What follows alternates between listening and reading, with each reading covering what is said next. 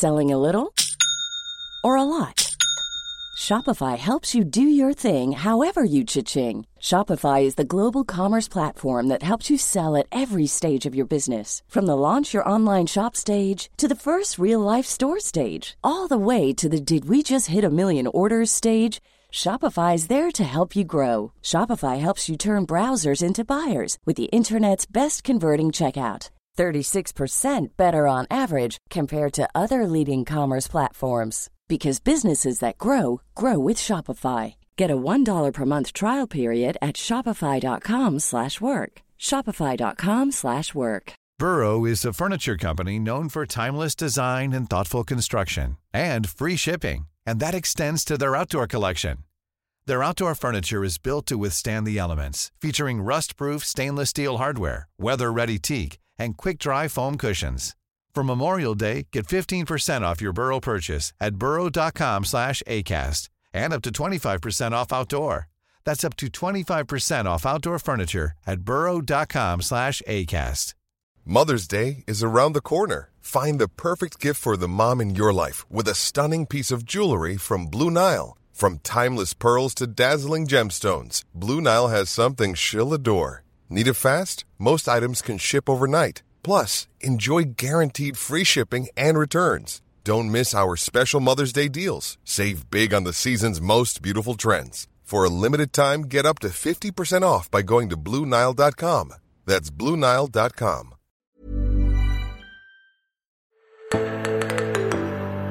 Denne ukens episode av Tore og Tarjei skulle egentlig vært eh, tatt opp eh, i solskinnet i eh, Arendal. Det gikk bare nesten. Tor Hjalmar Sævik og meg sjøl, Tarjei Gilje, har begge vært der denne uken, men ikke samtidig. Vi, våre veier krysses nesten når du skulle reise hjem og jeg skulle reise bort. Tor Hjalmar. Jeg tror vi kunne ha vinka til hverandre omtrent i Lillesand. Eh, fra hver, hver, sin buss. Akkurat. Så nå står jeg på Sørlandssenteret mens du har kommet hjem igjen til Sotra. Det stemmer. Hvis vi begynner med det siste, da. Hva sitter du aller mest igjen med fra Arendalsuka? Det er jo litt av en andedam det der for sånne som oss mediefolk og for politikere, men òg for næringslivsfolk i ulike bransjer som har et eller annet de ønsker å fremme eller å selge. Ja, det, Dette er vel det som eh, svenskene kaller et smørgåsbord. Eller amerikanerne a smørgåsboard. ja, ja, ja. um, som, som, er jo bare helt utrolig eh, stappa med innhold og personer. Du går jo forbi kjendis etter kjendis i lille Arendal. Og der er rundt 1000 arrangement etter det som står. Uh, og det kan virke til å stemme når du ser hva som går parallelt. Og det er jo sånn en skulle virkelig ønske at det kunne være flere plasser samtidig. For eh, det blir jo tatt opp alt ifra eh, ja, veldig interessante aktuelle politiske debatter til eh, jubileum for Hans Nilsen Hauge, til utfordringer for framtida i næringsliv og ja, you name it. Man kunne vel egentlig laget vitenskapelige arbeider bare av å studere selve programmet. Ja, men det er ikke så mange som kommer til å lese dem, så det er bedre at vi tar ut i journalistikk, kanskje. Har du vært der før? Nei, det er første gang. Det var tiårsjubileum nå i år, og det var jo uh, tydeligvis på høy tid at det kom dit en tur. Jeg var fascinert over hvor kort vei det faktisk er mellom de ulike scenene der, eller arenaene for ulike møter. Ja, Arendal er jo veldig konsentrert. Sånn at en, en, skal ikke ha så mange minutter for å bevege seg fra, fra plass. Det er jo velegnet for selve arrangementet. Kanskje mer krevende å håndtere logistikken med alle som skal ha overnatting. Og ja, der var vi i en heldig situasjon med en kollega som hadde noen eh, usedvanlig hyggelige svigerforeldre. Så vi eh, fikk leie rom. Ja. Ja. Hva du, tar du med deg hjem som høydepunkt her fra det du var med på av innholdet? Det er jo eh, mye forskjellig. Jeg var eh, på eh, bl.a. en samtale om eh, Hans Nilsen Hauges betydning på, på, norsk næringsliv, og betydning med, med tanke på eh, fattigdomsbekjempelse internasjonalt, å bruke Hauges impulser i dag. Noe av det spennende her er jo at en setter sammen folk som kanskje en ikke er vant med skal diskutere slike ting. For, for vi i dagen har jo skrevet mye om Hauge opp gjennom åra, men her var det da Ola Grytten, professor på NHH, som vi har hatt som gjest der for å snakke om Haug, og som både skrev og sagt mye om han. Men også Kjetil Widsvang, som er, var med å danne Hedningssamfunnet i 1974 og er kommentator i Dagens Næringsliv. Det er at jeg får ganske forskjellige perspektiv på en veldig viktig og interessant person. Men jeg var jo også på en debatt mellom forskjellige politiske partier, Høyre, Arbeiderpartiet, KrF og Senterpartiet, om støtte til trossamfunn. Det kom en ny lov ja. om det nå tidligere i år. Nyttår, ja. ja. Og, og, det avspeiler egentlig veldig interessante ideologiske forskjeller mellom ikke-sosialistisk og rød-grønn side. Okay. Nei, eh, denne lova den eh, tar jo eh, har som formål å, å, regulere forholdet mellom staten og de eh, trossamfunnene som utenfor Den norske kirke. For den, selv om grunnlovsendringene i 2012 gjorde at Norge ikke lenger er luthersk statsreligion, så skal en jo da understøtte Den norske kirke som folkekirke. Eh, men det innebærer også at en ser et naturlig ansvar for at eh, de som ikke er medlem i Den norske kirke, men i et annet trossamfunn eller en livssynsorganisasjon, skal få tilsvarende støtte per medlem, som er Den norske kirke får, eh, hvis den deler det ned på per medlem. Og Det er vel for tida vel 1300 kroner. Jeg tror det var 1321, hvis jeg ikke husker feil. Mm. Men så vil det da være diskusjon om hva konsekvenser det skal få for disse trossamfunnene at de mottar offentlig støtte. og Der eh, ønsker da Arbeiderpartiet og Sp mer oppfølging av det. Eh, og, og dette altså, Det ene er at Arbeiderpartiet ønsker at det, en skal ha et krav om 500 medlemmer for å kunne få støtte. Ja, for Det var jo en del sånn politisk strid om, og det, ble, det er vel kanskje, kanskje sånn virkning av KrF i regjering, at det ble 50? Ja, Nei, det ble, 50, det ble 50. Eh, Senterpartiet ja, ønsker 100, men, men, eh, men, eh, Senterpartiet har jo lufta ideen om uanmeldte besøk eller inspeksjoner. Og Arbeiderpartiet ønsker kanskje en årlig dialog med trossamfunn for å høre hvordan det går med f.eks. å, å bekjempe undertrykkelse eller uh, frihetsberøvelse, eller ja, forskjellige ting. Eh, og, og, eh, her vil en jo fra andre siden oppleve at dette her innebærer en form for mistenkeliggjøring av trossamfunn, med da en på rød-grønn side vil si at vi driver jo en eller annen form for kontroll overfor alle som mottar offentlige midler, enten det er idrett eller det er bistandsorganisasjoner eller hva det skal være. og Det skulle bare mangle at vi ikke gjør det samme med trossamfunn, for vi møter jo mennesker som har opplevd å bli utnytta og, og, isolert og mye forskjellig. Var det noen altså, kirkelige aktører som hadde det i debatten, som kunne måtte presentere sin opplevelse av hvordan de møtte? Nei, det var, det var et Samarbeidsrådet for tros- og livssynssamfunn som arrangerte den. og Det tar opp i seg alle mulige slags eh, livssynsorganisasjoner. Eh, men så var det da eh, Trond Enger som er generalsekretær i Human-Etisk Forbund, og Erhard Hermansen som er generalsekretær i Norges kristne råd, som hadde ordet eh, til slutt. Eh, og signalene som jeg oppfatter det, er jo Enger påpeker at denne støtteordninga hviler på en forutsetning som på sikt kan komme til å bli ganske utfordrende, nemlig at Den norske kirke har stadig færre prosent av den norske befolkninga som, som medlemmer. Altså stadig mindre prosentandel. Og eh, nå er den nede i 68. Eh, og hvis utviklinga fortsetter, så, så, blir det spørsmål hvor det kan bli ganske betydelige støttebeløp etter hvert, da, hvis en skal opprettholde kirkelige stillinger og bygninger og sånn. Det er kanskje et eksempel på at samfunnet endrer seg raskere enn en lovgiveren tar høyde for. Det er derfor egentlig Disse grunnlovsendringene er jo knappe ti år gamle, men dette hadde man kanskje ikke helt tatt høyde for. For det er jo rett som du sier, at eh, støtten per medlem i trossamfunn utenfor Den kirke kan jo faktisk måtte bli ganske betydelig. Ja, eh, og, og, så har du eh, Hermansen i Norges kristne råd som, som er gjerne opptatt av det med, med tillit til disse trossamfunnene. For, for det snakker jo også med politikerne om etterpå. Hvis det, hvis det er sånn at du, du, begynner å sende, legge opp til uanmeldte inspeksjoner, så, så vil jo en del si at dette, dette minner om samfunn som vi ellers ikke liker å, å sammenligne oss med. Men eh, det en vil kontre det med, er at det, dette er jo ikke noe altså Intensjonen her er jo ikke å, å drive overvåkning eller stramme inn trosfriheten, men det er jo å ivareta rettighetene til det enkelte medlem eller til mennesker som da eventuelt uh, ikke er det bra i, i et uh, lukka miljø. Så, men, men, men, det sier jo noe om, um, om utviklinga i, i Livssyns-Norge og det politiske Norge også, tenker jeg. Ja, det, det må jeg si at ja. Jeg, var jo på, eller jeg fikk lov å lede en debatt nå i formiddag, torsdag, eh, som var i regi av Norges kristne råd og Samarbeidsrådet for tros- og livssynssamfunn og Tankesmien Skaperkraft, som, som, handlet om cancel culture, med et begrep som har kommet inn i den offentlige debatten de siste par årene. Som ikke i og for seg representerer noe helt nytt, men den her tanken om at hvis du har eh, en feil mening, så skal du stenges ute fra en debattspalte f.eks. i en avis eller fra et annet sted. Eh, og Det har fått en del ganske sånn konkrete eh, utslag. Og Det var jo ikke minst med tanke på en kristen minoritet da, at det her var aktualisert. Spørsmålet om kristne må legge bånd på seg for å i det hele tatt slippe til i den offentlige debatten. Og vi hører informasjonsstemning på Sørlandssenteret i bakgrunnen her. Ja. Det skal jeg si her fremdeles. Eh, men det er interessant at bl.a. at likestillings- og diskrimineringsombudet Hanne Bjurstrøm var med i debatten. og hun sa at vi kommer nok ikke unna at vi er i et samfunn der det er eh, større innbyrdes spenninger. Vi må øve oss i å tåle hverandre. Vi kommer nok ikke unna at det vil være ytringer som den enkelte av oss kan reagere på og føle seg såret av.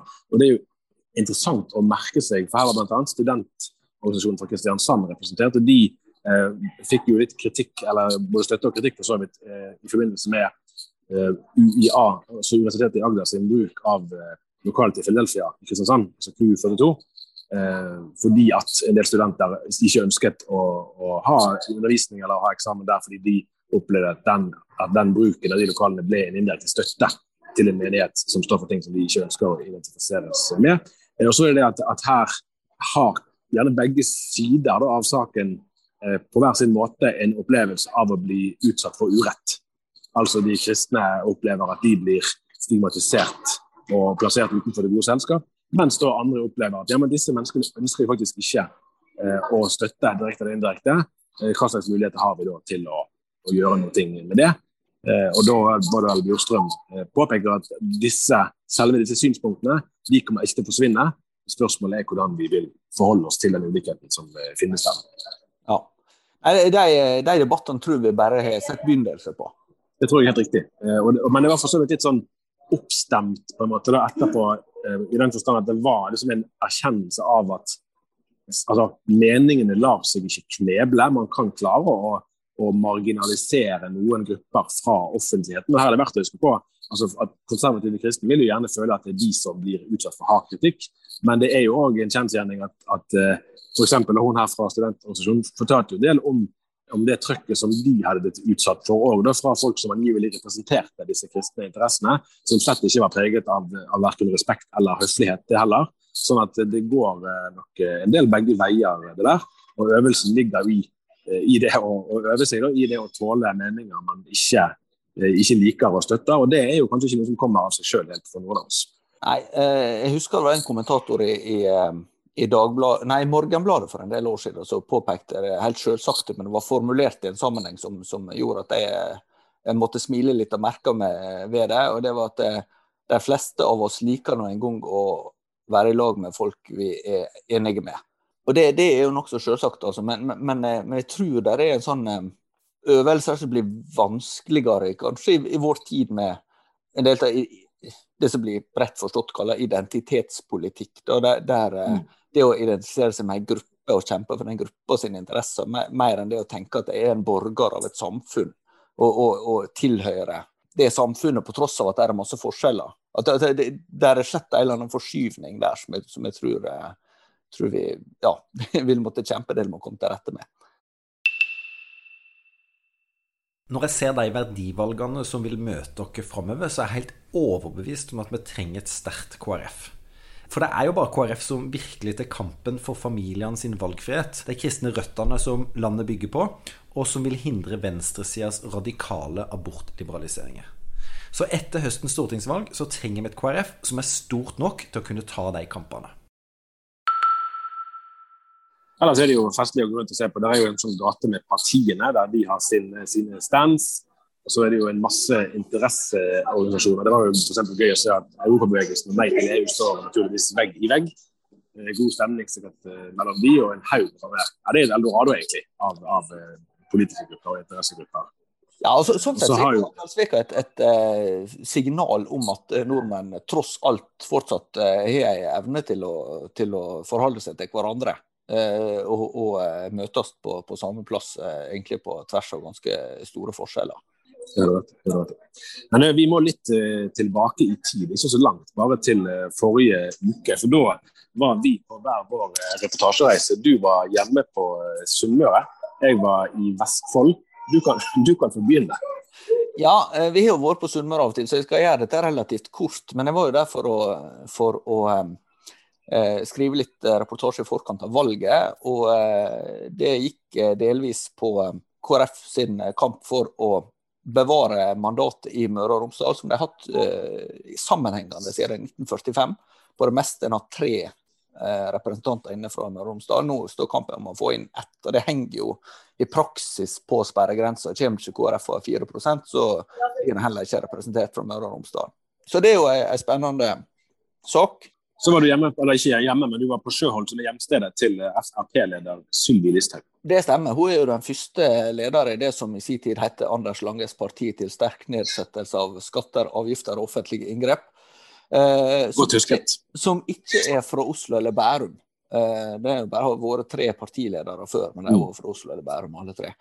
Og på, I Møre og Romsdal har jo Frp tradisjon for å ha veldig sterk oppslutning på den siste målinga, sammenlignet med resten av landet. På den siste supermålinga for eh, NRK så ligger den vel 6% over landsgjennomsnittet. Og det er nokså typisk at det er det. Såpass mye mer, da. Så det var vel på ca. 16 i, i Møre og Romsdal. Og da reiste jeg til, eh, til Sjøholt, ja, eh, som nå er en del av Ålesund kommune, men som ligger liksom på vei i retning eh, Molde og Trondheim, og for så vidt Oslo også, for mange som kjører fra, fra Sunnmøre. Eh, og snakka bl.a. med en eh, gjeng eh, middelaldrende motorsyklister der eh, de Er det, er det deg selv om ti år, forresten? Eh, nei, eh, motorsykkel blir det nok eh, ikke. Men, men eh, det, det er jo fare for at det kan bli andre eh, hobbyer eller, eller gjenstander jeg, jeg skaffer meg for å, for å kompensere for, for aldring. Det, vet ikke jeg kan finne på. Men, men ikke motorsykkel. Men, men eh, de var jo ikke særlig begeistra for, for Listhaug. Men det var derimot eh, ei tysk eh, innflytta småbarnsmor, som ikke ennå hadde stemmerett i Norge. Men, men hun eh, hun eh, hadde veldig sans for Listhaug og, eh, Ja. og hennes, program for ikke minst eldreomsorg og, og, eh, og slike ting. Og til slutt da, så, så, så gjorde jeg også en stopp på vei ned igjen eh, på Sandane, som er jo eh, en tettstad i Nordfjord, der eh, Erling Sande bor. Han er førstekandidat for Senterpartiet i Møre og Romsdal. og Dette ligger i Gloppen kommune, der Senterpartiet har hatt ordfører sammenhengende i 53 år. Og eh, en har jo også da en oppslutning for Senterpartiet i, i Sogn og Fjordane som er vesentlig høyere enn resten av landet. Den eh, var vel på 37, noe på siste NRK-måling. Så det er jo veldig høyt, da. Bare skyte inn eh, til det med at hun- De har jo dette her, eh, ganske gøy program som heter jeg tror det er Sjukt mange spørsmål på NRK. Der de har vært hjemme hos partilederne. Og Der blir jo hun spurt uh, om hun kunne tenke seg å stemme på MDG eller Rødt. Uh, og, da, og da svarer hun jo der nei, det tror ikke jeg hadde gjort om jeg hadde en pistol til hodet. Nei, Det var ikke noe. Men, klart alle. men, men klar, apropos klar tale, så er det jo slått med at det å stå utafor en Rema 1000 eller, eh, eller eh, Coop Extra eller lignende for å få eh, vestlendinger til å uttale seg om politikk, det er en krevende øvelse. Så, så både på Sjøholt og på, på Sandane så ble jeg faktisk redda av innflyttere. På, på, på Sandane var det ei som var litauisk småbarnsmor, men har bodd i Norge nå i åtte år eller noe sånt. Og hun var fortsatt litauisk statsborger, men Senterparti-sympatisør. Ja. Og har stått på liste for Senterpartiet ved lokalvalget sist. Så, så en, en kommer liksom, er det merker å komme seg ut, at en kommer egentlig i berøring med folkelige engasjementet på en, på en måte som er spennende og, og lærerik. Ja, virkelig sånn. Og og virkeligheten er jo alltid mer fargerik og ikke helt sånn symmetrisk med hva du gjerne antar på, på avstand. Så det er jo en helt sånn umålelig verdi, det der å, å treffe folk på ulike steder. Altså. Men, men der har vel du gjort noe som, som egentlig er enda mer eksotisk i det siste? Ja, altså jeg hadde, jeg må si rent sånn faglig vurdert, så hadde jeg en av mine gøyeste dager på jobb på jeg vet ikke hvor lenge. her i, i, forrige uke. For da var jeg helt på ekte på uh, sommerstevnet til det som offisielt heter uh, Brunstad Christian Church. Uh, det har tidligere blitt omtalt som Smiths venner. Men det oppfatter de som litt sånn nedsettende, nesten skjellsord. Så det tror jeg vi skal prøve å ikke bruke så mye. Men deres sommerstevne har jo vært beryktet, eller i hvert fall skal si, forbundet med en viss sånn kanskje mistenksom nysgjerrighet. da. Hva er dette her for noe? Eh, er det et lukket miljø, er det et sunt miljø, er det et kristent miljø? Eh, og de har vel òg søkt en del avstand sjøl. Nå søker de mer kontakt med andre kristne, søker om medlemskap i Norges kristne råd. Det ser det foreløpig ut for at de ikke får, men det kommer nok flere runder. Med det det skal være et rådsmøte i midten av september. Men her satt vi altså da i denne enorme møtesalen. Det er en av Norges største saler. Plass, sitteplass tror jeg til 6400-500 mennesker. Det er vel bare Spektrum, tror jeg nesten, ja, utenom Telenor Arena. da som kan huse flere. Og her var vi helt på ekte møte i, i Brustad Christian Church. Og for oss som holder på med dette, så er det litt sånn bransjesjargong, kanskje. Men, men, det er jo interessant å sammenligne møtene der med møter i andre sammenhenger. Det er jo andre ting ved kultur og hvordan sjargongen er mellom medlemmer, hvordan man snakker sammen, som man ikke kan oppdage eh, når man ser det som skjer på scenen. Men, men, det som skjedde på scenen, kunne vi observere, og det var umåtelig interessant. Ja, hva er det som er så særeige? Jeg skrev det at jeg tror ikke det var noe jeg så sånn, som enkeltelementer som jeg ikke har sett andre steder. Altså med andre ord, Det var ingenting her som liksom Oi, de sa det. Det bryter fullstendig med alt som andre kristne sier. Sånn var det ikke. Men, men eh, jeg vil tro at f.eks. en del lavkirkelige lutheranere vil si at det var veldig tydelig det som han kaller, eller kalte for et lovisk preg. På den måten at det er en veldig sterk vektlegging av etterfølgelse, av å eh, kjempe mot synden i sitt indre. Der er en, en lære som ikke er ukjent i andre kristne men som kanskje er sterkere vektlagt om at man kan overvinne fristelsen til å begå bevisste synder. Altså helt fra liksom, å gi utløp for, for sinne i form av ukvemsord, f.eks. Ja. Eh, og at man kan måtte, komme på et nivå i det som man kaller for helliggjørelsen, der man faktisk lever i seier da, over, eh, over, de fristelsene. Eh, og da er det Jesus sjøl som er forbildet i den totale lydigheten. Så vil det finnes ubevisste synder som man da ikke kan erkjenne på sånn måte, naturlig nok. Men at når det gjelder det bevisste, så kan man det. Og her, her kan man jo tenke det som positivt. ok, Dette er flott på den måten at, at her skal jo da eh, livet disse menneskene lever, være deres vitnesbyrd om Kristus, og at det skal da være det som forteller eh, om evangeliet, så kan man jo spørre andre veien om, om dette ikke blir veldig strengt og tungt å leve i over tid. Eh, og det, Den opplevelsen jo, må jo enhver gjøre opp for seg sjøl. Ja, for, for, det er jo det som har vært kritikken mot eh, det som ja, tradisjonelt er blitt kalt, kalt smittsvenner, at dette er ikke egentlig evangelisk. Eh, at dette blir en slags gjerningskristendom. da. Ja, Det er ikke vanskelig å forstå at man kan, eh, at man kan stille spørsmål om eh, det. Eh, og så prøver de jo sjøl å understreke tydelig at, at, de står på den samme eh, kristne teologien som andre kristne gjør. At det er kanskje ulikheter i betoning, men at deres eh, grunnleggende forståelse av evangeliet er, er det samme. Og Det er jo noe som skal bli interessant å se i de videre samtaler med Norges råd og for så vidt med andre, eh, hvordan det vil utvikle seg. For Det er jo den siden ved saken som de har for så vidt parallelt med andre frikirkesamfunn, at man har ikke hatt tradisjon for å, for å operere med noen sånn utførlig skriftlig teologi. Der er jo si, katolikker og lutheranere uh, har jo det. Og Dermed kan man liksom lettere måle. Ja, dere, dere, står jo for det, dere står jo for det. Her er det mer sånn hva har blitt sagt til ulike tider uh, her og der. Uh, og det er det som da er, er målestokken for, for læreren. Ja. Det er jo også en, en uh, kulturell komponent som er litt interessant. Så vidt jeg vet, så er Brunstad Christian Church det eneste trossamfunnet som er oppstått i Norge, og som har fått internasjonale forgreininger. Og Det har jo en del interessante utslag. Ja, det har mange interessante utslag. Men det fortalte litt om, her er jo norsk, altså norsk språk blir jo eksportbare. Og Det var jo folk som var på scenen som kom fra både Nederland og Tyskland, som hadde lært seg norsk. Blant annet var det en, det synes jeg var veldig gøy da, en tysker som står på scenen og snakker om vårt innvortes menneske. Ja. Det er jo som et uttrykk som Det er ikke så mange Nei, akkurat. Sant? Det var nok mer det for en generasjon og to siden. Men såpass liksom, eh, detaljert går man til verks for å lære seg norsk at man, at man er på det, på det, nivået. Så det er jo fascinerende. Så er det jo òg veldig sånn, iøynefallende at selve anlegget her, som jo i seg selv er en enorm, eh, altså det er et enormt anlegg og en voldsom historie, er jo helt på topp eh, i teknologisk utrustning. og det var inne liksom, video på, altså Folk var inne på video fra USA og flere steder der.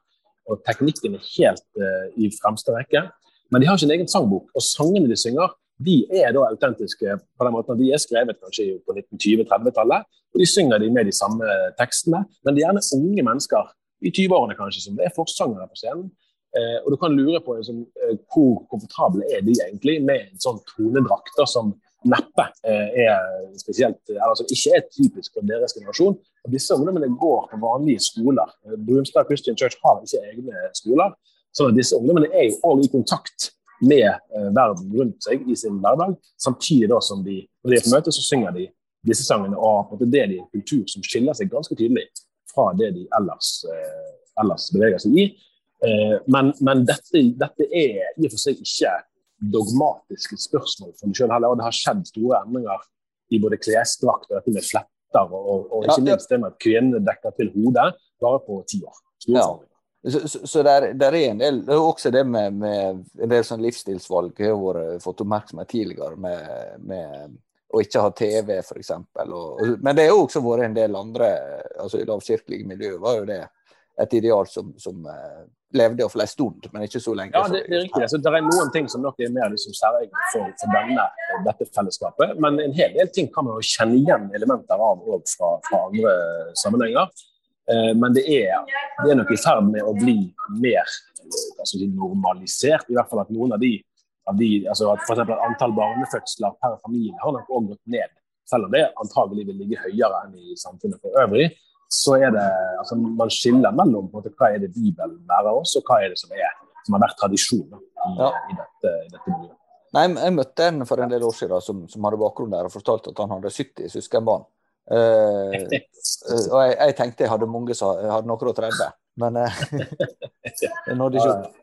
Nei, så det var, det var, veldig veldig spennende. Og som sagt, altså, vi, vi, Det er jo mange historier, ikke minst fra tidligere, om Eh, at hvis man da brøt med menigheten, så kunne det være en ganske høy sosial kostnad som fulgte med det. Eh, og Der tipper jeg vi vil høre flere sånne historier etter hvert som da båndene til å drive Kristen-Norge blir, eh, blir, tettere. Og så det, det, hadde ikke vi anledning til å, liksom, å, granske der, men det var utrolig interessant å, å følge dette møtet. Og det skal også bli interessant å se prosessen eh, overfor Norges kristne råd. Men en ting er det formelle der, noe annet det er jo det mer uformelle overfor andre kristne sammenhenger direkte hvordan dette uh, utvikler seg. fordi at uh, det, har, det, har, jo igjen her foreligger ikke nødvendigvis så mange referater, alltid, men, men uh, inntrykket har vært at denne sammenheng egentlig ikke ønsket så veldig mye kontakt med andre kristne kirker, og så litt ned på de. mens nå ønsker man tydelig en annen type kontakt. og Det har nok sammenheng med en generell erkjennelse av sekularisering i samfunnet, og at, at kristne sammenhenger trenger å stå mer sammen for å sikre troens overlevelse i vårt land. De hadde vel en praksis lenge med å ikke annonsere møtene sine, f.eks. Og de som følte seg kalla til det skulle, skulle finne fram sjøl. Kan det stemme? Ja, ja, det tror jeg nok stemmer. Og, og det var jo sånn, selve settingen var jo sånn interessant der. fordi at uh, altså Det møtet jeg var på, varte i en time, og det var ca. ti stykker som hadde ordet fra talerstolen. Og Da kan du ja. tenke deg at da har ikke de spesielt lang, og det var også sunget en fire-fem sanger, kanskje. Så da kan ikke de ha spesielt lang taletid. Vi hørte jo han Kåre Smith, som er liksom den store frontfiguren. Han hadde ordet preket på kanskje fem-seks-syv minutter. Så var det egentlig bare at han leste eller to avskjed fra Bibelen og delte noen, noen tanker og betraktninger rundt det. Og så var det en håndfull andre som og hadde sine ting som delvis bygget på det han hadde sagt, og delvis på, på andre ting. Og dette her er visst sånn det er. Det er kanskje 10, kanskje til og med 20 noen ganger.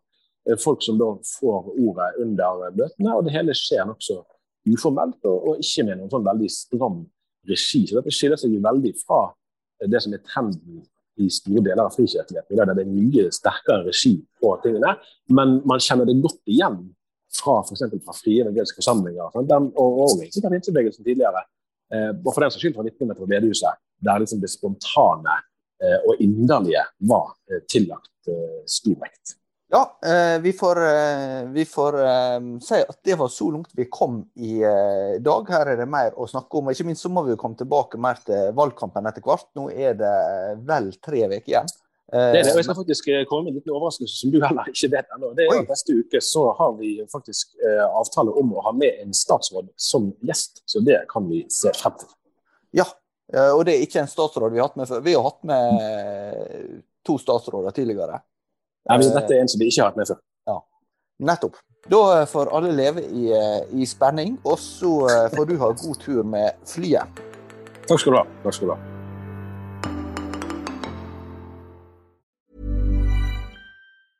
Selling a little or a lot? Shopify helps you do your thing however you cha-ching. Shopify is the global commerce platform that helps you sell at every stage of your business. From the launch your online shop stage to the first real life store stage, all the way to the did we just hit a million orders stage. Shopify is there to help you grow. Shopify helps you turn browsers into buyers with the internet's best converting checkout. 36% better on average compared to other leading commerce platforms because businesses that grow grow with Shopify. Get a $1 per month trial period at shopify.com/work. shopify.com/work.